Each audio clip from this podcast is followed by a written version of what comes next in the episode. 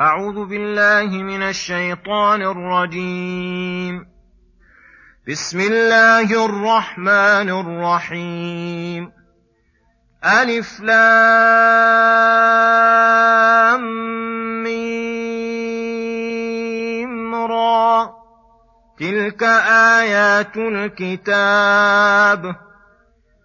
والذي أنزل إليك من ربك الحق ولكن أكثر الناس لا يؤمنون الله الذي رفع السماوات بغير عمد ترونها ثم استوى على العرش وسخر الشمس والقمر كل يجري لأجل مسمى. يدبر الأمر يفصل الآيات لعلكم بلقاء ربكم توقنون. وهو الذي مد الأرض وجعل فيها رواسي وأنهارا ومن كل الثمرات جعل فيها زوجين اثنين يغشي الليل النهار إن في ذلك لآيات لقوم يتفكرون وفي الأرض قطع متجاورات وجنات من أعناب وزرع ونخيل وزرع ونخيل صنوان وغير صنوان يسقى بماء واحد يسقى بماء واحد ونفضل بعضها على بعض في الاكل ان في ذلك لايات لقوم يعقلون وان تعجب فعجب قولهم أإذا كنا ترابا أإنا لفي خلق جديد أولئك الذين كفروا بربهم وأولئك الأغلال في أعناقهم ۖ واولئك اصحاب النار هم فيها خالدون بسم الله الرحمن الرحيم. السلام عليكم ورحمة الله وبركاته. يقول الله سبحانه ألف لام را تلك آيات الكتاب والذي أنزل إليك من ربك الحق ولكن أكثر الناس لا يؤمنون. يخبر تعالى أن هذه أن هذا القرآن هو آيات الكتاب الدالة على كل ما يحتاج إليه العباد من أصول الدين وفروعه. وأن الذي أنزل الرسول من ربه هو الحق المبين لأن أخباره صدق وأوامره ونواهيه عدل مؤيدة بالأدلة والبراهين القاطعة. فمن أقبل عليه وعلى علمه كان من أهل العلم بالحق الذي يوجب لهم علمهم به العمل بما أوجب الله. ولكن أكثر الناس لا يؤمنون بهذا القرآن إما جهلا واعراضا عنه وعدم اهتمام به وإما عنادا وظلما. فلذلك أكثر الناس غير منتفعين به لعدم السبب الموجب للانتفاع. ثم يقول سبحانه الله الذي رفع السماوات بغير عمد ترونها الآيات.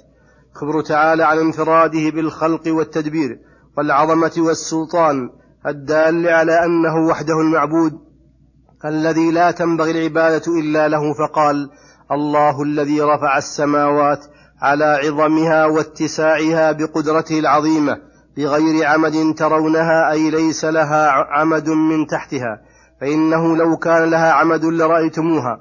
ثم بعدما خلق السماوات والأرض استوى على العرش العظيم الذي هو أعلى المخلوقات استواء يليق بجلاله ويناسب كماله.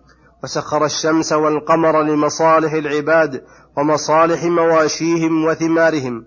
كل من الشمس والقمر يجري بتدبير العزيز العليم إلى أجل مسمى بسير منتظم لا يفتران ولا ينيان. حتى يجيء الأجل المسمى وهو طي الله وهو طي الله هذا العالم ونقلهم إلى الدار الآخرة التي هي دار القرار. فعند ذلك يطوي الله السماوات ويبدلها ويغير الأرض ويبدلها فتكور الشمس والقمر ويجمع بينهما فيلقيان في النار ليرى من عبدهما أنهما غير أهل للعبادة فيتحسر بذلك أشد الحسرة وليعلم الذين كفروا أنهم كانوا كاذبين. وقوله يدبر الأمر يفصل الآيات هذا جمع بين الخلق والأمر أي قد استوى الله العظيم على سرير الملك يدبر الأمور في العالم العلوي والسفلي فيخلق ويرزق ويغني ويفقر ويرفع أقواما ويضع آخرين ويعز ويذل ويخفض ويرفع ويقيل العثرات ويفرج الكربات وينفذ الأقدار في أوقاتها التي سبق بها علمه وجرى بها قلمه. ويرسل ملائكته الكرام لتدبير ما جعلهم على تدبيره وينزل الكتب الإلهية على رسله ويبين ما يحتاج إليه العباد من الشرائع والأوامر والنواهي ويفصلها غاية التفصيل ببيانها وإيضاحها وتمييزها. لعلكم بسبب ما أخرج لكم من الآيات الأفقية والآيات القرآنية بلقاء ربكم توقنون. فإن كثرة الأدلة وبيانها ووضوحها من أسباب حصول اليقين في جميع الأمور الإلهية خصوصا في العقائد الكبار كالبعث والنشور والإخراج من القبور. وأيضا فقد علم أن الله تعالى حكيم لا يخلق الخلق سدى ولا يتركهم عبثا. فكما أنه أرسل رسله وأنزل كتبه لأمر العباد ونهيهم فلا بد أن ينقلهم إلى دار يحل فيها جزاؤه. فيجازي المحسنين بأحسن الجزاء ويجازي المسيئين بإساءتهم. وهو الذي مد الأرض أي خلقها للعباد ووسعها وبارك فيها ومدها للعباد وأودع فيها من مصالحهم ما أودع وجعل فيها رواسي أي جبالا عظاما لئلا تميد بالخلق. فإنه لولا الجبال لمادت بأهلها لأنها على تيار ماء لا ثبوت لها ولا استقرار إلا بالجبال الرواسي التي جعلها الله أوتادا لها وجعل فيها أنهارا تسقي الآدميين وبهائمهم وحروثهم فأخرج بها من الأشجار والزروع والثمار خيرا كثيرا ولهذا قال ومن كل الثمرات جعل فيها زوجين اثنين أي صنفين مما يحتاج إليه العباد يغشي الليل النهار فتظلم الآفاق فيسكن كل حيوان إلى مأوى ويستريحون من التعب والنصب في النهار. ثم إذا قضوا مأربهم من النوم غشي النهار الليل فإذا هم مصبحون. ينتشرون في مصالحهم وأعمالهم في النهار. ومن رحمته جعلكم الليل والنهار تسكنوا فيه ولتبتغوا من فضله ولعلكم تشكرون. إن في ذلك لآيات على المطالب الإلهية لقوم يتفكرون فيها وينظرون فيها نظرة اعتبار دالة على أن الذي خلقها ودبرها وصرفها هو الله الذي لا إله إلا هو ولا معبود سواه وأنه عالم الغيب والشهادة الرحمن الرحيم وأنه القادر على كل شيء الحكيم في كل شيء المحمود على ما خلقه وأمر به تبارك وتعالى. ومن الآيات على كمال ومن الآيات على كمال قدرته وبديع صنعته في الأرض قطع متجاورات وجنات فيها أنواع الأشجار من أعناب وزرع ونخيل وغير ذلك والنخيل التي بعضها صنوان أي عدة أشجار في أصل واحد.